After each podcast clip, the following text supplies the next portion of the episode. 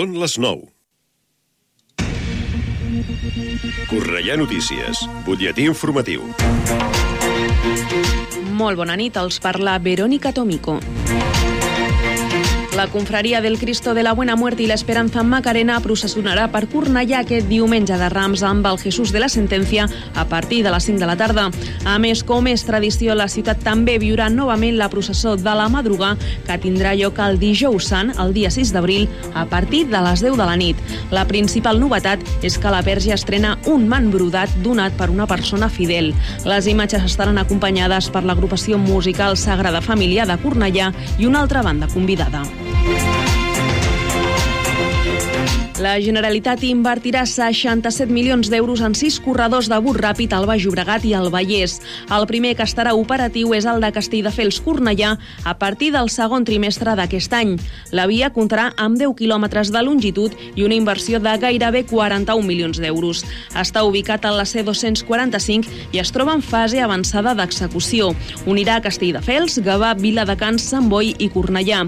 La peculiaritat del projecte és que el carril bus ràpid creu creuarà la rotonda pel centre. Ja està en marxa la prova pilot del projecte a prop teu social al barri de Sant Ildefons. La idea pretén arribar a més de 2.000 habitatges a l'entorn de la República Argentina per copsar les necessitats socials del veïnat. Un sistema porta a porta que vol establir un diàleg directe entre la ciutadania i l'Ajuntament. I la trobada internacional de programació i informàtica se celebrarà del 19 al 21 de juny al City Lab de Cornellà. A hores d'ara s'ha obert el termini per presentar les propostes per participar activament en aquesta cinquena edició de l'SNAP Conference 2023. Hi ha temps fins al dia 30 d'abril per emplenar el formulari que trobaran al web citylab.eu i compartir les iniciatives. Fins aquí aquest butlletí informatiu. Poden seguir informats de l'actualitat de la nostra ciutat al Cornellà Notícies de la una del migdia, als butlletins horaris i a l'app i la web de Ràdio Cornellà. També trobaran les darreres actualitzacions i notícies al radiocornellà.cat i a les xarxes socials de la ràdio, Twitter, Facebook i Instagram. Ara el temps. Connectem amb l'Agència Estatal de Meteorologia. Bona nit. Demà dijous, temperatures que pugen a Catalunya de forma notable a zones del prelitoral i en descens a Girona. Els termòmetres es disparen i arribarem a màximes per sobre de l'habitual per aquesta època. Valors de 29 graus a Lleida, 23 a Girona, 21 a Barcelona i 19 a Tarragona. El cel estarà poc ennubulat, amb intervals de núvols mitjans i alts. Al matí, amb intervals de núvols baixos i probables boires en zones litorals i prelitorals i punts de la depressió central. Al Pirineu no es descarten precipitacions febles i ocasionals a la tarda, en especial al vessant nord, cota de neu per sobre de 2.200 metres. Al litoral, vent del sud i sud-oest fluix a moderat i a l'interior vent variable fluix tendint a partir del migdia a component oest fluix a moderat. És una informació de l'Agència Estatal de Meteorologia. L'informació de Cornellà. Més a prop, impossible. Ràdio Cornellà, 104.6 FM.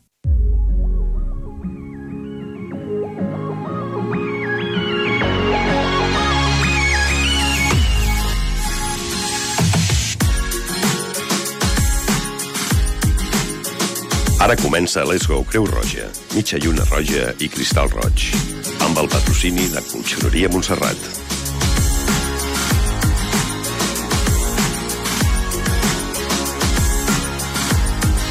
...21 hores 3 minuts, comença novament una setmana més el programa de l'Hora de Creu Roja al 104.6 de la FM, Ràdio Cornellà, i com sempre, com sempre, parlarem de temes de justícia, de tema de medi ambient, de temes de salut, de temes d'entrevistes, etc etc.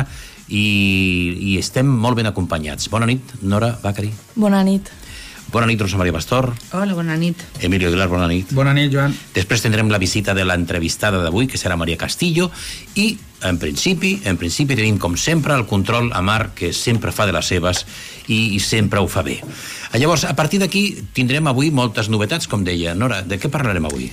Doncs avui tocarem el tema de la salut. Parlarem de la tuberculosi, la vitamina D i mindfulness. També dintre de la salut abarcarem el tema de la tecnologia i els videojocs. Parlarem de 5 hàbits pels teus fills perquè disfrutin de forma saludable.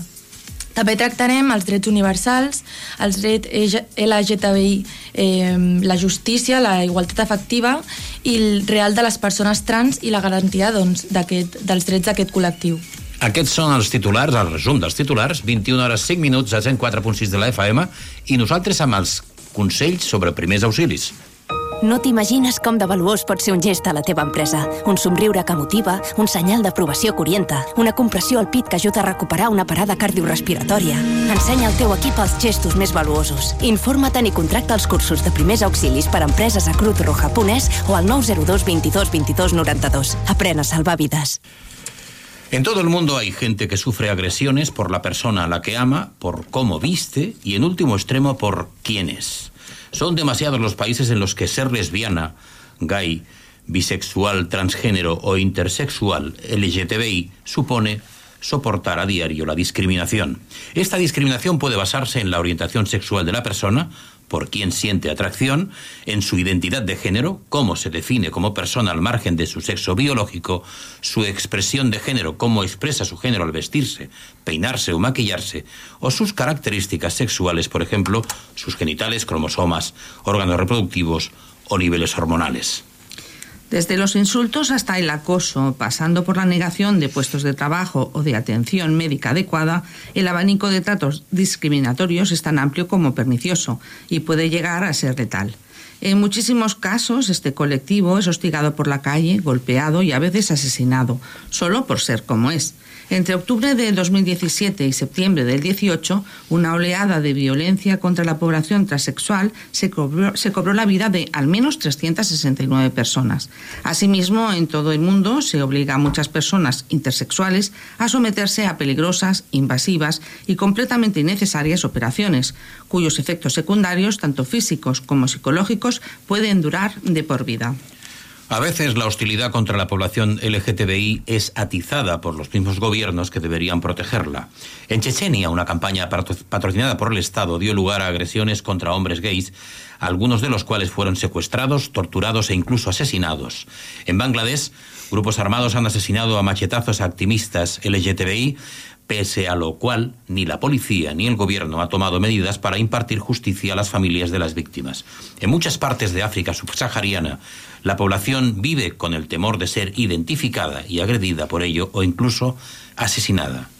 Las relaciones sexuales entre personas del mismo sexo se consideran delito en 70 países y en nueve de ellos, como Arabia Saudí, Irán, Sudán y Yemen, pueden castigarse con la pena de muerte.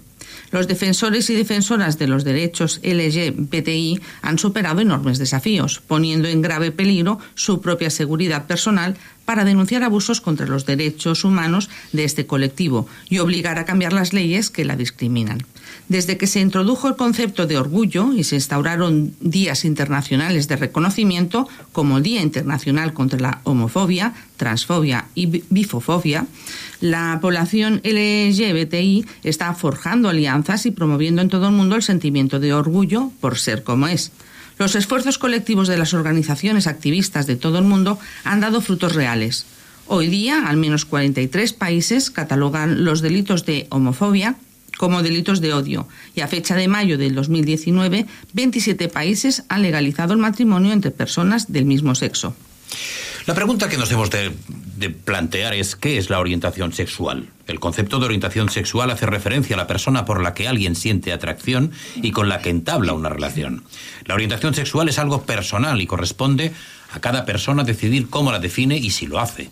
Para algunas personas esto puede variar a lo largo del, tiempo.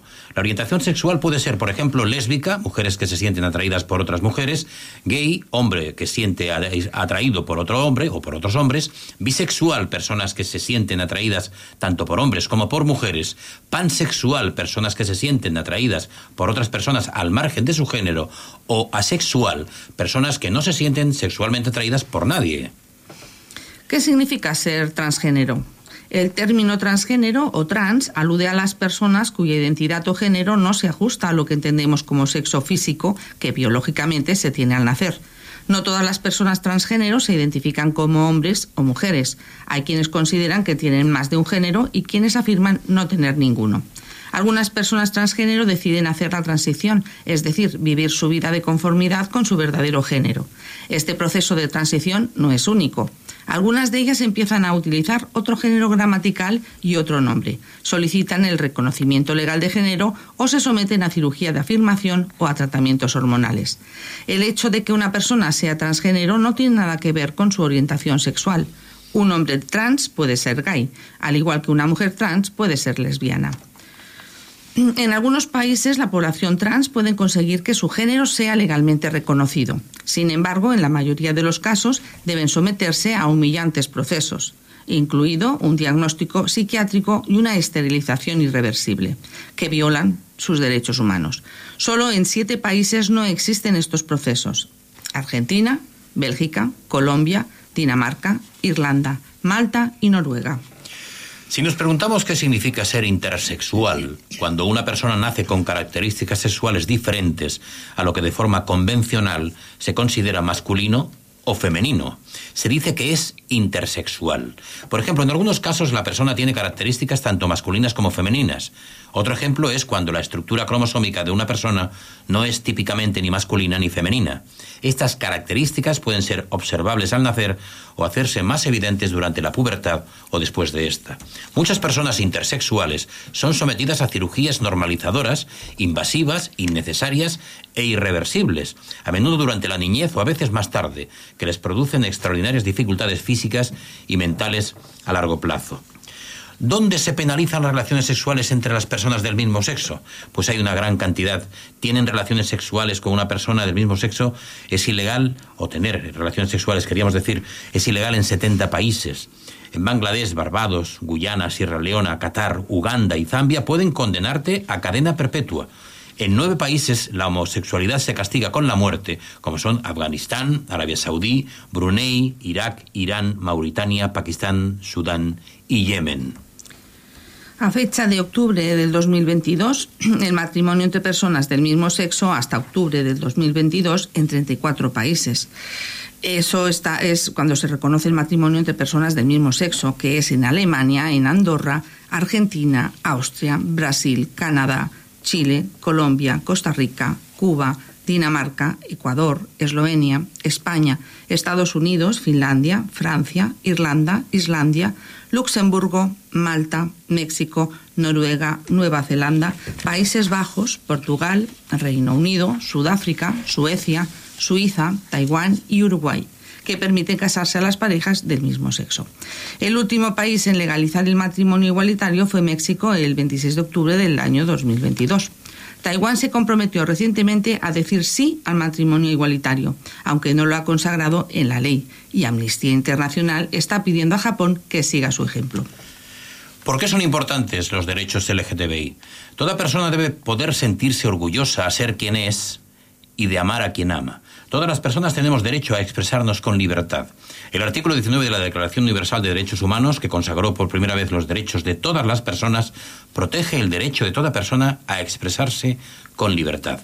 Erradicar la homofobia y la transfobia salva vidas. El acoso contra la población LGTBI pone a aquellas personas que se identifican como tales en una situación de grave peligro de sufrir daños físicos y psicológicos. Toda persona tiene derecho a la vida, la libertad y la seguridad. ¿Qué es el orgullo? El orgullo puede revestir numerosas formas, desde desfiles carnavalescos a proyecciones de películas y debates, y es un momento dedicado a ensalzar la población marginada por la definición estricta de hombre y mujer. A lo largo de todo el año se organizan actos según el lugar. En América y Europa la temporada empieza normalmente en junio, mientras que en Sudáfrica la temporada del orgullo es entre los meses de febrero y marzo. Todos estos actos brindan a la población LGTBI la oportunidad de demostrar que no se esconde y que está orgullosa de ser como es. Los festejos del orgullo están prohibidos en varios países, entre ellos Arabia Saudí, Rusia, Uganda y más recientemente Turquía. El orgullo ensalza el movimiento LGTBI en toda su diversidad y sirve de altavoz a la reivindicación de respeto y protección para esos derechos. Aunque el movimiento LGTBI ha conseguido sin duda notables avances, aún queda trabajo por hacer. Tras una campaña de amnistía internacional, el Tribunal de más alta instancia de Taiwán resolvió que la prohibición del matrimonio entre personas del mismo sexo era inconstitucional. Así, en mayo de 2019, Taiwán se convertía en el primer lugar de Asia que reconocía el matrimonio entre personas del mismo sexo. En otras zonas, nuestro trabajo ha influido mucho en las nuevas leyes de Grecia, Dinamarca y Noruega, por lo que los gobiernos de esos países reconocen legalmente el verdadero género de las personas. Ansiedad, insomnio, depresión. Llamar a las cosas por su nombre es de valientes. Pedir ayuda, si lo necesitas, también. Cruz Roja te escucha. Llámanos 900 107 917.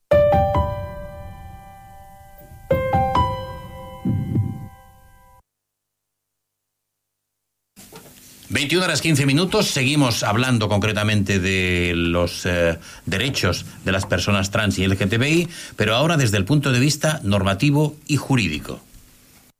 Hoy, en esta emisión, haremos referencia a la Ley 4 de 2023 de 28 de febrero, publicada en el Boletín Oficial del Estado el 1 de marzo de 2023, para la igualdad real y efectiva de las personas trans y para garantía de los derechos de las personas LGTBI. Como podéis observar, esta ley es muy reciente. En un mundo en el que parece que se está luchando más por la igualdad y el respeto a la diversidad, no se puede perder de vista que las conquistas alcanzadas tienen una historia profunda, enmarcada por la segregación, el rechazo y los señalamientos. Antes de nada, haremos una pequeña reflexión refiriéndonos a la homofobia. El comportamiento definido por aversión, odio, prejuicio, discriminación y rechazo en contra de personas con distinta orientación sexual a la heterosexual se le denomina homofobia. El rechazo principalmente viene dado contra gays, bisexuales, transgéneros y lesbianas. La homofobia tiene comportamientos que la causan, principalmente culturales y sociales, donde la religión juega también un papel protagónico. Durante siglos, las personas homosexuales han sido perseguidas y condenadas. De hecho, en España, sin ir más lejos, la ley de vagos y maleantes de 1933 consideraba a las personas homosexuales un peligro social, por lo que debían ser recluidas en instituciones especiales, con absoluta separación del resto de la población carcelaria. Por otro lado, las lesbianas no eran perseguidas legalmente, pero si eran identificadas como tales, se las enviaba a hospitales psiquiátricos y muchas terminaban recluidas en conventos. En 1954, la ley de vagos y maleantes sufre una pequeña pero importante modificación. Los homosexuales son considerados como sujetos peligrosos y sobre ellos va a recaer un control institucional. A este control se le sumará una represión policial y médica con el fin de evitar que, según su criterio, estos comportamientos se, eh, se contagien al resto de los hombres. De hecho, algunos hombres, para ocultar su homosexualidad, llegaban a contraer matrimonio. El idealismo machista, el cual solo considera normal y natural la conducta heterosexual, ha sido otra causa determinante en la manifestación de actitudes homofóbicas. Las personas con este pensar observan como una amenaza todo comportamiento que no corresponde a una vida sexual convencional y lo catalogan de conducta inmoral. Aunque cada vez hay más personas del colectivo LGTBI que se atreven a expresar su identidad sexual sin esconderse, tenemos que decir que todavía siguen marginados en determinados ámbitos de la sociedad y podemos decir que la homofobia en determinados sectores todavía existe. Centrándonos en esta nueva ley que inicialmente comentábamos, diremos que lo que se pretende es que la diversidad sea la normalidad de quienes durante tantos años, sin descanso, trabajaron y trabajan por los derechos LGTBI.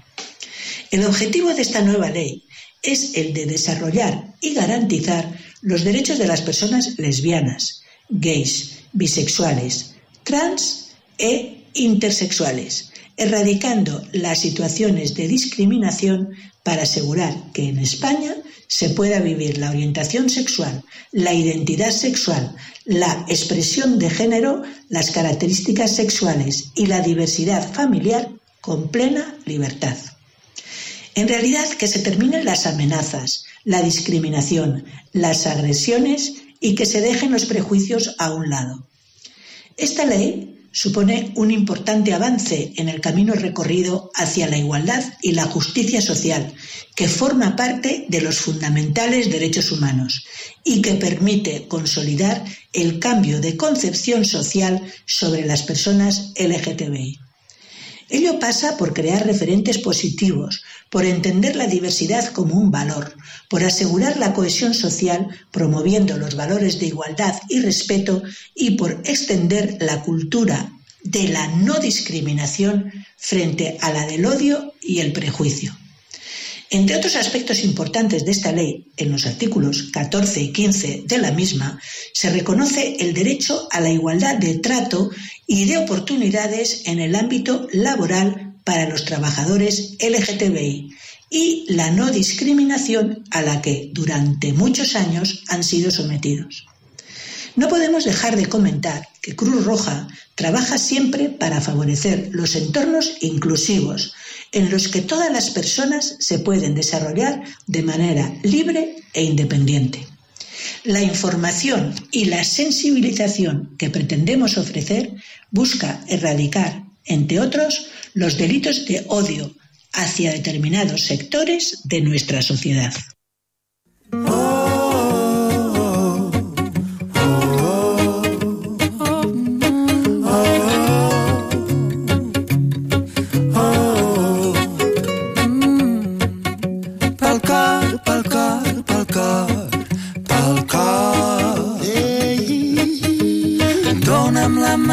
d'aquí el cor. És pel cor, és pel cor, és pel cor, pel cor. Som igual de diferents dins d'aquí el cor. Ell té les cames llargues, ell està per patir. Aquell dels ulls atxinats, dels dents arrodonits Grossos primers, uns baixets, uns altres penes. Són tan diferents, però la pell del cor és igual. És simple. El cor, el cor,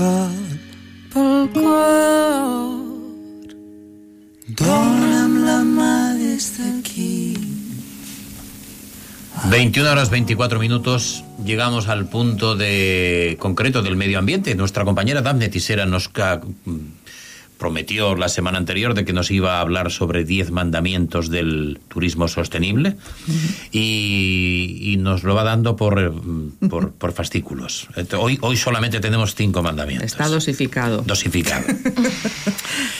Decía que como prometimos la semana pasada, esta semana te traemos los mandamientos de un turista sostenible. Escucha atento por si te identificas.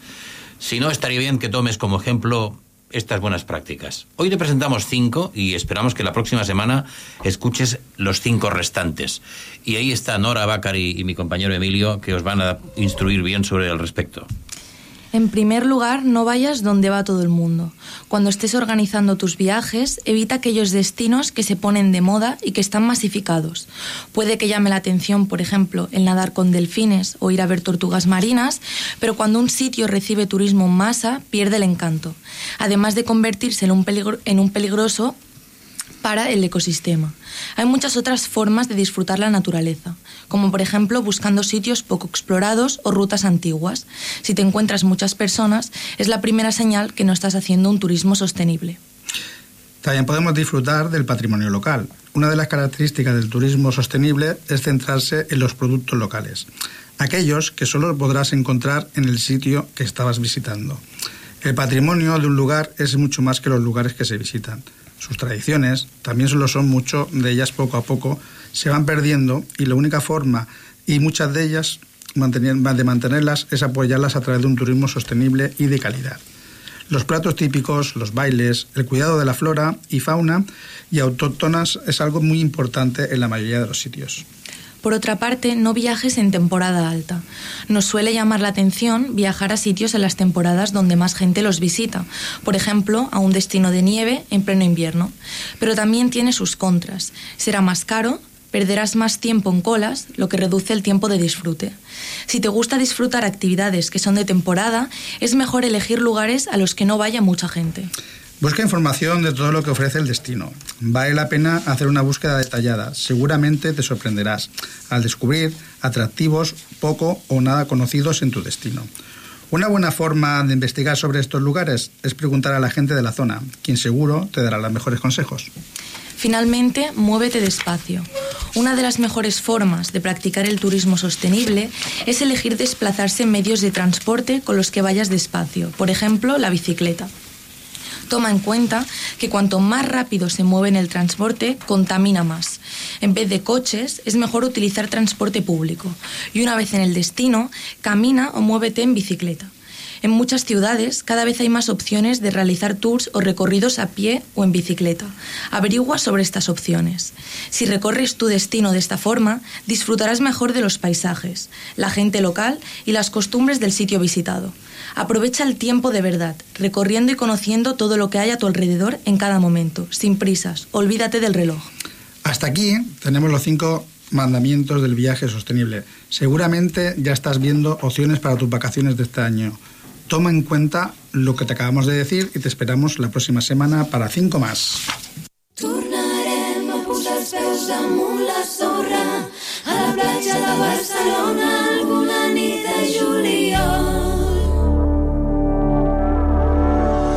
Asseguda a la plaça del sortidor aquí t'espero com si fos el primer bar. La bohème em comença al carrer Blai, que és la petita rambla del poble sec. Parlen de la pluja que ha plogut, d'imatges mules, els mirats de mules fa. Potser és per això que el teatre està tan buit. Avui sento tan buida les meves mans. Tornarem a posar els peus damunt la sorra a la platja de Barcelona una nit de juliol. I escriurem que no es prendran mai més la vida, que donem veu a les veles quan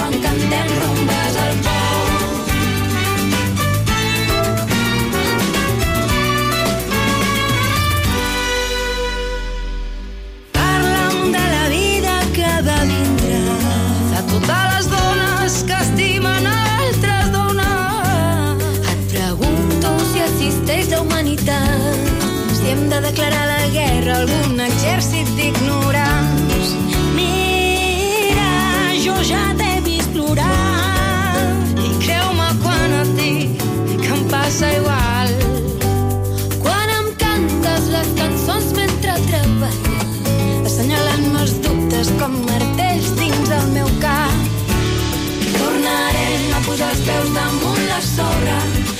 A la platja de Barcelona una nit de juliol.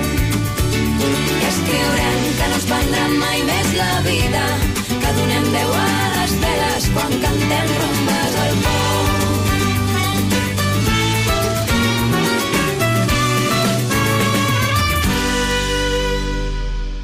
Mentre la cuina els plats i els gots del sopar d'ahir la posar ordre a aquesta vida o de fer-ho quan ja sigui massa tard.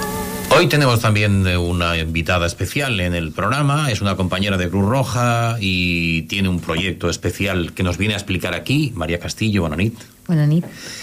Y nuestra compañera Rosa María Pastor va a ser la que le va a hacer el tercer grado. Por lo menos. Eh, Bienvenida, María. Gracias, Rosa. Eh, María está a cargo del proyecto Reforzando Vínculos de Cruz Roja. Me consta que el objetivo de este proyecto es intentar que la gente mayor eh, pueda permanecer el máximo de tiempo posible en su entorno con las mejores condiciones. ¿Qué más nos puedes explicar sobre el proyecto? Por ejemplo, ¿a quién va dirigido? Pues bueno, como bien comentas, nosotros lo que queremos es colaborar a que las personas mayores puedan permanecer el máximo de tiempo posible en su entorno. De modo que el proyecto, un poco redundante, pero se dirige a estas personas mayores de 65 años que viven en el barrio de Cornellà Riera, centro, y que están teniendo problemas en su autonomía, ¿no? Que, por ejemplo, eh, antes pues podían hacer alguna tarea cotidiana con normalidad y últimamente pues ya no pueden.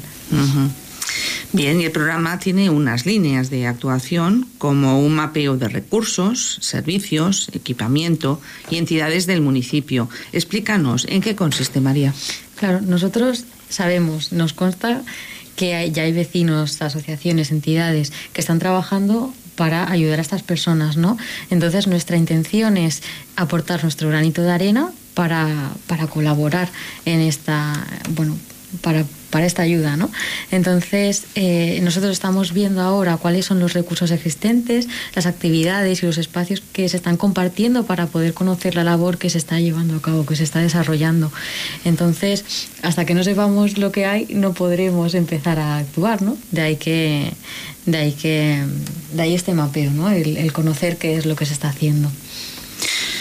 Bien, y hay otra actuación, por ejemplo, es la mejora de la autonomía personal y disminuir el sentimiento de soledad indeseada que sufren tantos ciudadanos. Eh, ¿Qué línea de actuación se aplican? Imagino que a través de acompañamientos. ¿Y, y qué más? Exacto, de hecho esto es algo que ya hacemos en la asamblea, ¿no? Sin embargo, con este proyecto se busca que entre todos los que formamos el barrio podamos conocernos y cooperar para elaborar, elaborar talleres juntos incluso, ¿no? Y generar espacios en los que trabajar la autonomía. De este modo, por ejemplo, si yo sé que en una asociación se están haciendo talleres de memoria o incluso paseos saludables que ya se están, ya se están haciendo, eh, puedo recomendar a la señora Paquita, por ejemplo, a que pueda asistir. O, por ejemplo, si la peluquera del barrio sabe que vamos a dar una charla eh, sobre movilidad, pues puede hablar de ella a sus clientes y sus clientas, ¿no? Para que puedan asistir. Al final consiste en, en crear un poquito de red entre todos. Y, mm, y eso, además, si desde alguna entidad se detecta una necesidad en esta población de la tercera edad, eh, se puede poner en contacto con nosotros, conmigo misma, y podemos elaborar alguna actividad. Y por supuesto, siendo Cruz Roja en una entidad de voluntariado, cualquier vecino o vecina que quiera colaborar, pues está más que bienvenido. Genial. Falta conocer, reconocer y bueno, una buena comunicación, ¿no? Para que realizar todo, todo el proyecto. Exacto. Por supuesto que sí. Sé también que hay grupos focales y escuchas comunitarias para conocer las necesidades de los, de los mayores. Sí, de hecho esto se hace también para poder conocer la realidad de estas personas y, y del barrio, ¿no? Eh, claro, si vamos a actuar, como comentaba antes, necesitamos saber qué se está haciendo y qué necesidades tienen las personas mayores en el barrio.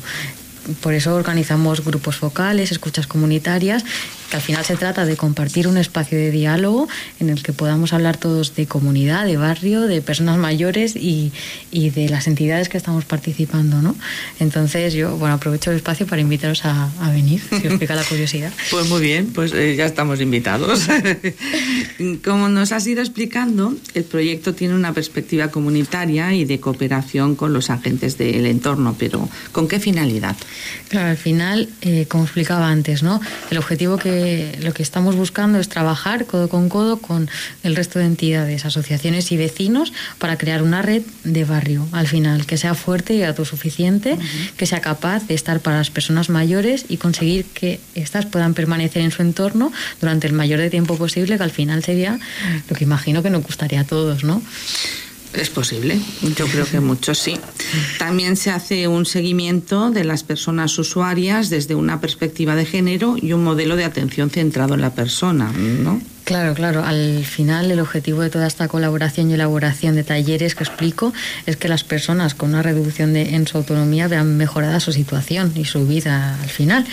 Entonces, que puedan continuar en su entorno. Para conseguirlo, eh, lo ideal es que podamos eh, proporcionarles actividades y una atención que sea adecuada a su situación.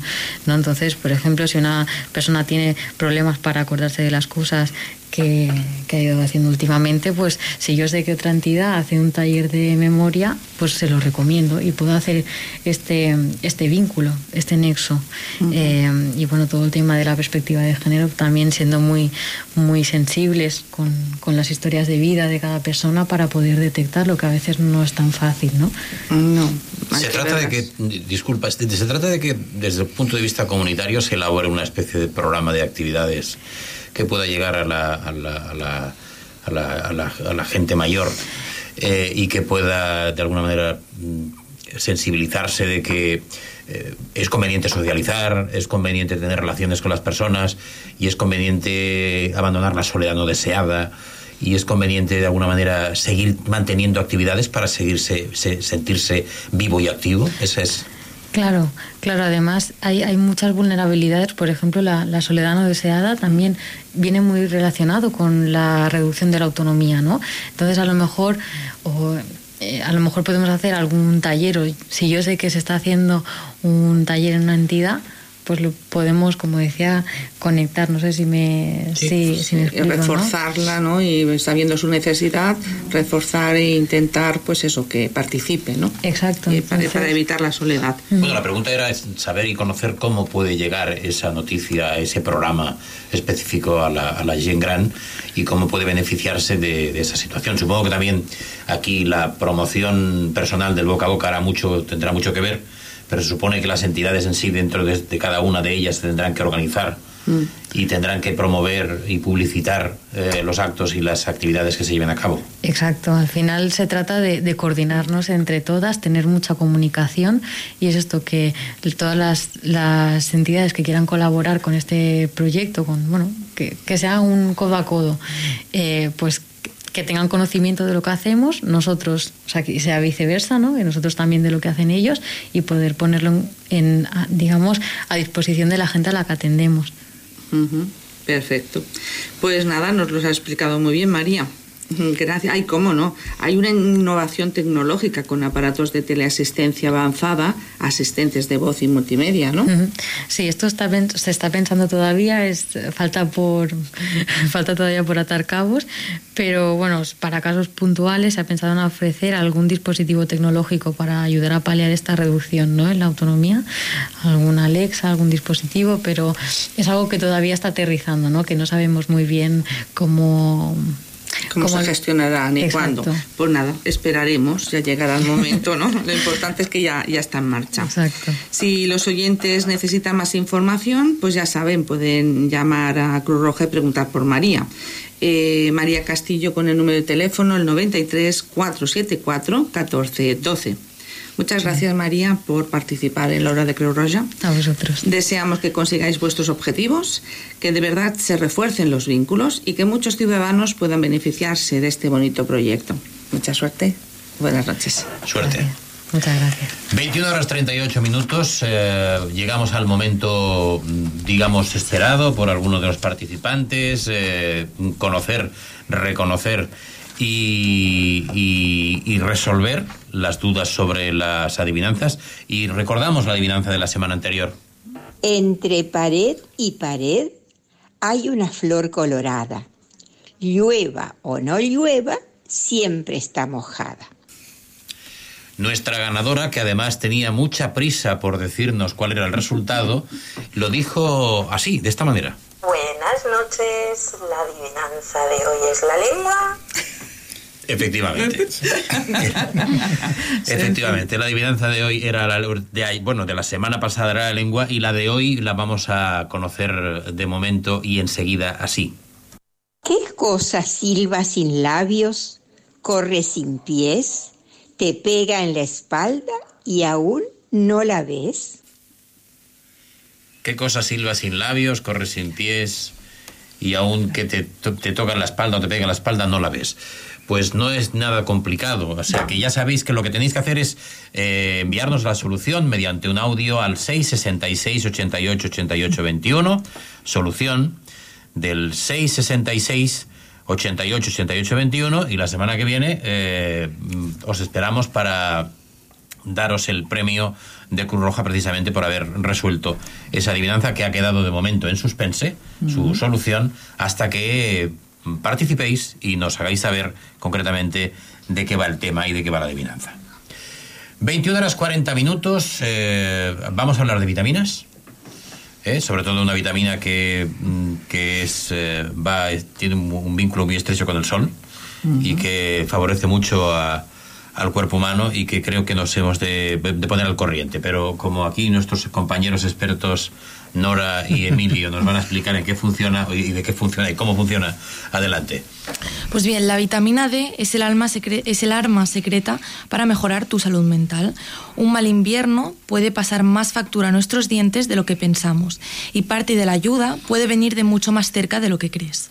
Es habitual que pensemos que nuestros dientes solo necesitan calcio para mantenerse fuertes, pero también nuestra salud dental tiene otras aliadas. Así sucede con la vitamina D, que pasa más desapercibida a la hora de fortalecer a nuestros dientes. Curioso, pues ya que generalmente pensamos que la vitamina D solo afecta a nuestra piel, pero hay vida más allá. Famosa por ser absorbida a través de la radiación solar, lo cierto es que este nutriente es clave para los dientes y los huesos. Sin embargo, no solo necesitamos que los dientes y huesos apuren la vitamina D. Lo cierto es que influye en ciertas funciones celulares y tiene propiedades antiinflamatorias, antioxidantes y neuroprotectoras. La otra curiosidad es que de forma natural esta vitamina D no se encuentra en nuestros alimentos de forma normal. Eso no quita que si haya ciertos alimentos que la contengan como el salmón, la sardina o la caballa por su cualidad de pescados azules. Además, lo que sí que es habitual es que veamos leches o cereales enriquecidas, pero de por sí no son alimentos que tengan vitamina D. Lo que sucede con la vitamina D, con la luz solar, es que se sintetiza a través de su forma activa, que es el calcifero. Calciferol. El problema es que incluso en poblaciones como la española podemos presentar déficits de vitamina D. A pesar de vivir en España, el déficit de vitamina D es notable en invierno en nuestro país. Quizá resulte un contrasentido, pues presumimos de las horas de sol, pero la realidad es que en el invierno ni estamos tan expuestos ni los rayos del sol llegan con la misma intensidad. Por eso, comprobar que un invierno crudo puede afectar nuestra salud dental es más, que necesario. De este modo, la vitamina D es muy importante para el organismo. Ya sabemos que la vitamina D que generamos a través de la piel depende de la hora del día, de la estación del año o de la latitud en la que vivimos. Incluso importa el nivel de pigmentación de nuestra piel. A ello hay que sumar más factores externos, incluyendo nuestro estilo de vida. Por eso, a veces cae en saco roto la suplementación con esta vitamina en los meses de invierno, a pesar de que su metabolización orgánica puede ser nula. La fortuna es que se pueden hacer análisis de sangre para comprobar este déficit, al cual nos puede servir para comprobar por qué nuestros dientes sufren más de la cuenta. Para comprobar el buen matrimonio que hacen dientes y vitamina D, tenemos que entrar en una ecuación con más factores, el calcio y el fósforo. Ambos minerales, muy abundantes en los pescados y los lácteos, son fundamentales para nuestro organismo. Quizá lo más habitual sea relacionarlo, como en este caso con la salud dental y la salud ósea. Pero no es el único caso. De hecho, también están muy vinculados a una correcta salud neurológica o la secreción de ciertas hormonas. Además, se vincula un cierto sentido con una mejor circulación sanguínea. De este modo, ¿por qué tus dientes necesitan esta vitamina? Bien, la correlación entre vitamina D y dientes pasa por ese interlocutor antes mencionado, que es el calcio, responsable de dar estructura y solidez a nuestros dientes, ya que hace que esté eh, más, más mineralizada al fortalecer el esmalte. Por ejemplo, los dientes son más resistentes a roturas o a la aparición de caries, motivos por el cual la participación de la, de la vitamina D es clave por partida doble. De un lado, ayuda a absorber el calcio y a depositarlo, tanto en los propios dientes como en los huesos que lo sostienen. Por otro lado, aumenta la densidad mineral del tejido dentario, haciendo más robusto y menos propenso a la citada caries o ciertas patologías dentales.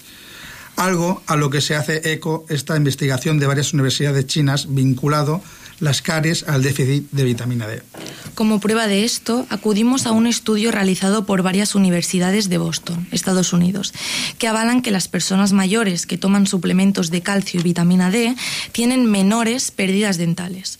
Una realidad que además consolida otro estudio, esta vez de la Universidad de Manitoba, Canadá, que relaciona el déficit de vitamina D con ciertas enfermedades periodontales. En la investigación se centran en la gingivitis y en la periodontitis, que se aprecia que concentraciones bajas del calciferol se manifiestan en el índice gingival, una medida que estima la inflamación de las encías y en la propia pérdida del, tejido gingival. En conclusión, la vitamina D ayuda en el fortalecimiento del esmalte. Por lo tanto, los dientes se vuelven más resistentes a roturas o a la aparición de caries y también reduce el riesgo de enfermedades de nuestras encías como la gingivitis y la periodontitis. Llegamos al punto y final de la vitamina D. Hoy ya estamos vitaminados Sí, del sí, sí, todo. sí. Ya sabemos perfectamente qué es lo que ocurre con la vitamina D, los beneficios de tenerla en su adecuada medida, porque el exceso de vitamina también es malo. Todo, todo, todo apunta a mal, a mal, a malos momentos. Y eh, mm, vamos a abordar el espacio de hoy. Lo viajamos, concretamente. La semana pasada, la solución de la, del punto geográfico de la semana pasada eh, la tenemos enseguida. Esta vez nos alejamos un poco de nuestro entorno, pero seguro que por aquí habrá alguna persona de esta localidad a la que nos referimos, ya que en Cornellá y alrededores nos encontramos de todas las partes del Estado y del mundo mundial, por usar este recurso humorístico. Esta ciudad es capital de la provincia. Se encuentra dentro de la comunidad de Castilla y León, al noroeste de España. El centro de la ciudad está emplazado en la orilla norte de uno de los más importantes ríos de nuestro país y la rodean murallas y puertas muy bien conservadas. ¿Quién no ha oído hablar de la puerta de Doña Urraca? Merece la pena hacer referencia a do- a Doña Urraca, ya que fue la primera descendiente legítima del rey Alfonso VI. Doña Urraca I de León, 1081, finales del siglo XI, fue una figura extraordinaria que pasó a la historia por hacer lo que ninguna mujer había logrado antes.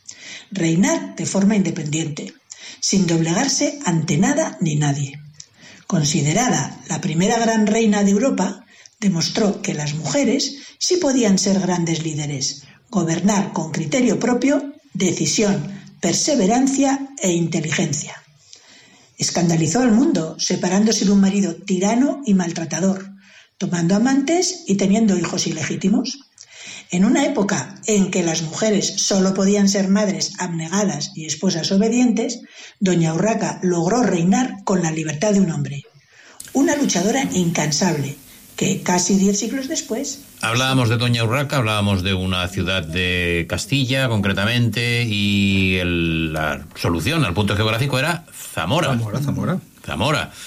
Y ahora vamos a pasar a la adivinanza del punto del hoy viajamos del día de hoy, pero concretamente no estamos hablando de un punto geográfico, porque ella en su en su pregunta, en su exposición, va a decir concretamente en qué punto geográfico nos encontramos. Se trata de un lugar dentro de otro lugar que ella va a decir. Hoy nos encontramos de nuevo en nuestro municipio y es algo que es mucho más que un museo. Se trata de un lugar dedicado a una ciencia muy importante y básica para cualquier tipo de investigación y que todos la utilizamos en nuestra vida cotidiana. El objetivo principal de este museo es el de difundir y estimular una imagen social positiva de una de las ciencias básicas acercándolas a las personas a través de experiencias interactivas y actividades de manipulación. Un lugar muy interesante para ser visitado por niños, adolescentes y adultos. Lógicamente, al ser un museo, tiene su horario de apertura y cierre. Sí, sí, este museo está ubicado en Cornellá. Si alguien lo conoce, que llame al número que se os indicará y amplíe la información sobre el mismo y motive a visitarlo a quien no lo conozca. Lógicamente, debe indicar su ubicación. Las experiencias interactivas favorecen el aprendizaje, tenerlo muy en cuenta.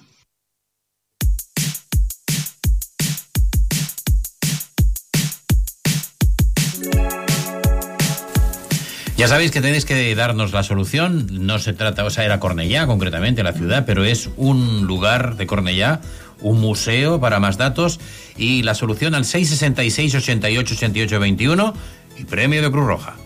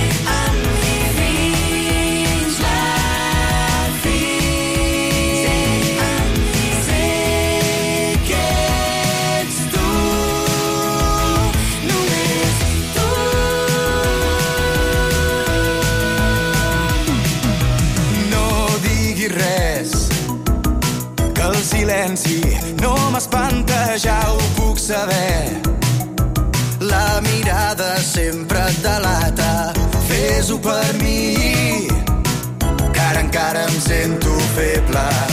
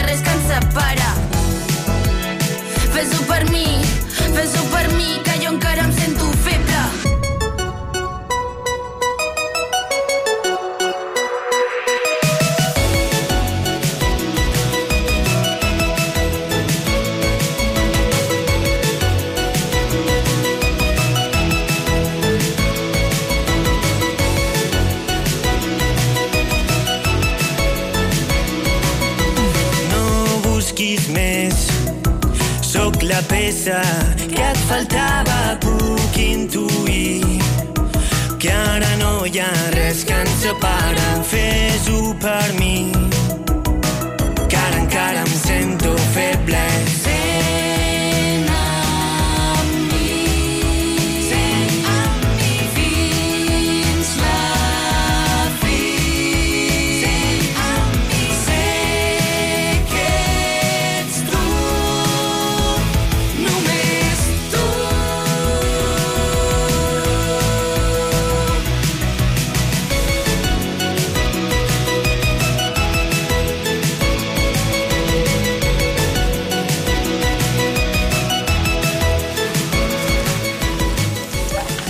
...21 horas 53 minutos. Una de las preocupaciones principales de los padres es eh, si los videojuegos realmente forman o deforman al menor, a los niños. Y el mundo de los videojuegos, para todo aquel que nació a partir del baby boom, es algo con lo que ha crecido. Con sus más y sus menos, pero ha sabido lo que era el Spectrum, algunos de los que hoy están aquí no sabían lo que era el Spectrum, las primeras máquinas de arcade y los salones recreativos, alguno queda todavía de los salones recreativos, sin embargo, nada de malo hay en comprender que hoy en día aquel abanico se ha multiplicado por mil. Eso no significa que los videojuegos, si se utilizan de una manera responsable, no puedan ser una buena alternativa de ocio para nuestros hijos. Con supervisión, moderación y vigilando desde una forma saludable de jugarlos, son opciones estupendas para, favorecer su coordinación, desarrollo intelectual o para afrontar ciertas situaciones que los videojuegos plantean. Hemos de comprender que guste o no, el mundo ha cambiado y buena parte de él circula a través de las pantallas. Lo hace nuestro propio mundo, el de los adultos, y es el mundo que ya le estamos eh, legando a nuestros hijos. Actuar como filtro es deber y obligación, pero no desde una total opacidad que aísle a los menores de una realidad que comparten sus compañeros de colegio, sus amigos e incluso sus profesores. Los héroes modernos de nuestros hijos se prodigan en Minecraft, LOL, YouTube y Twitch. Y son estos creadores de contenidos, nos guste o no, insisto, sus referentes. Por eso, conocer y, administrar estas plataformas es también clave de saber a qué se exponen y cómo lo están haciendo. De ahí que hoy te vamos a dar cinco consejos o vamos a destacar cinco hábitos para que los niños disfruten de los videojuegos de forma saludable. Activa el control parental. Aunque te parezca una tontería, es importante. Todas las videoconsolas modernas, así como los ordenadores, dan opciones en sus ajustes para que los padres puedan activar diferentes opciones de interacción con las que controlar qué, cómo y cuándo se juega. Con ellas se puede limitar el tiempo de juego activando un máximo de horas o incluso el acceso a ciertos contenidos. También, para ser testigo de sus frustraciones o de si está haciendo un uso correcto del videojuego, incluidos enfados, pataletas u otro tipo de emociones negativas. Por este motivo es conveniente que veamos cómo juegan para controlar estos estados y sobre todo que nuestra intervención no suponga eliminar el componente videojuegos cuando estas situaciones se den, sino que se haga desde la interpelación y la relativización. Amén de estas funciones, siempre es necesario que cualquier adquisición pase antes por el filtro parental, ya sea por no dar al hijo plena disposición de la tarjeta de crédito para la compra de videojuegos, de las temidas lot boxes, cajas de recompensa o las DLC contenido descargable o para evitar que juegue en las horas que no queremos que lo haga. En este caso además es importante que no exista un cuarto de juegos estanco como tal en niños muy pequeños o preadolescentes, sino que sacar la consola suponga un momento familiar que tendrá inicio y fin, no convirtiendo su PlayStation o su Xbox en un electrodoméstico más de nuestro salón. Por otra parte, conoce con quién juega.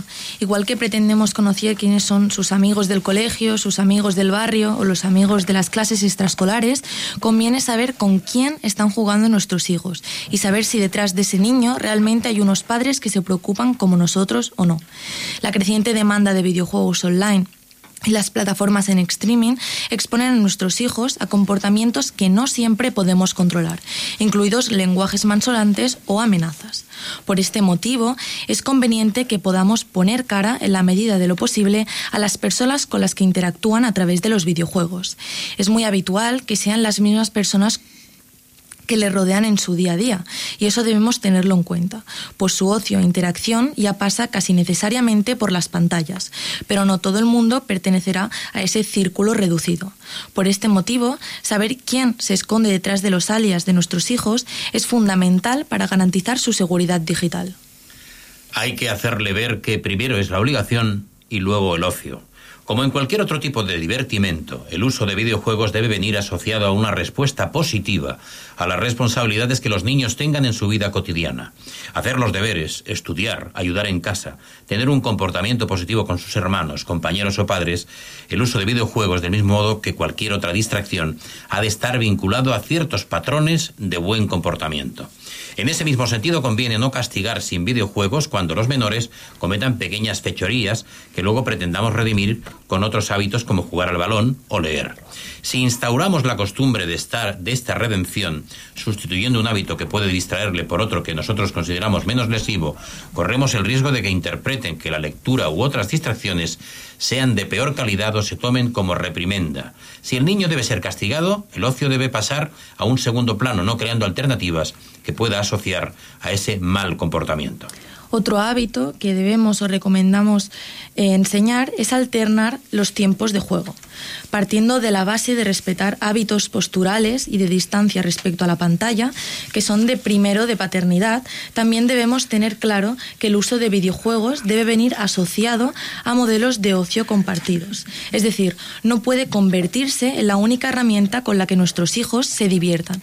Y tampoco debemos abrir la veda de una vía libre para que jueguen horas y horas siempre con control paterno presente en la sala, que el niño juegue incluso desde la interacción. Las opciones deben tener en cuenta que demos tiempo de descanso entre sesión y sesión. Llegamos al punto y final, nos dicen que hemos agotado el tiempo y como siempre, el tiempo es oro, 21 horas 59, 59 minutos y 38 segundos. Bueno, muchas gracias a todos y nos vemos la semana que viene, no, la próxima, porque la semana que viene es Semana Santa y tendremos música para todo el mundo.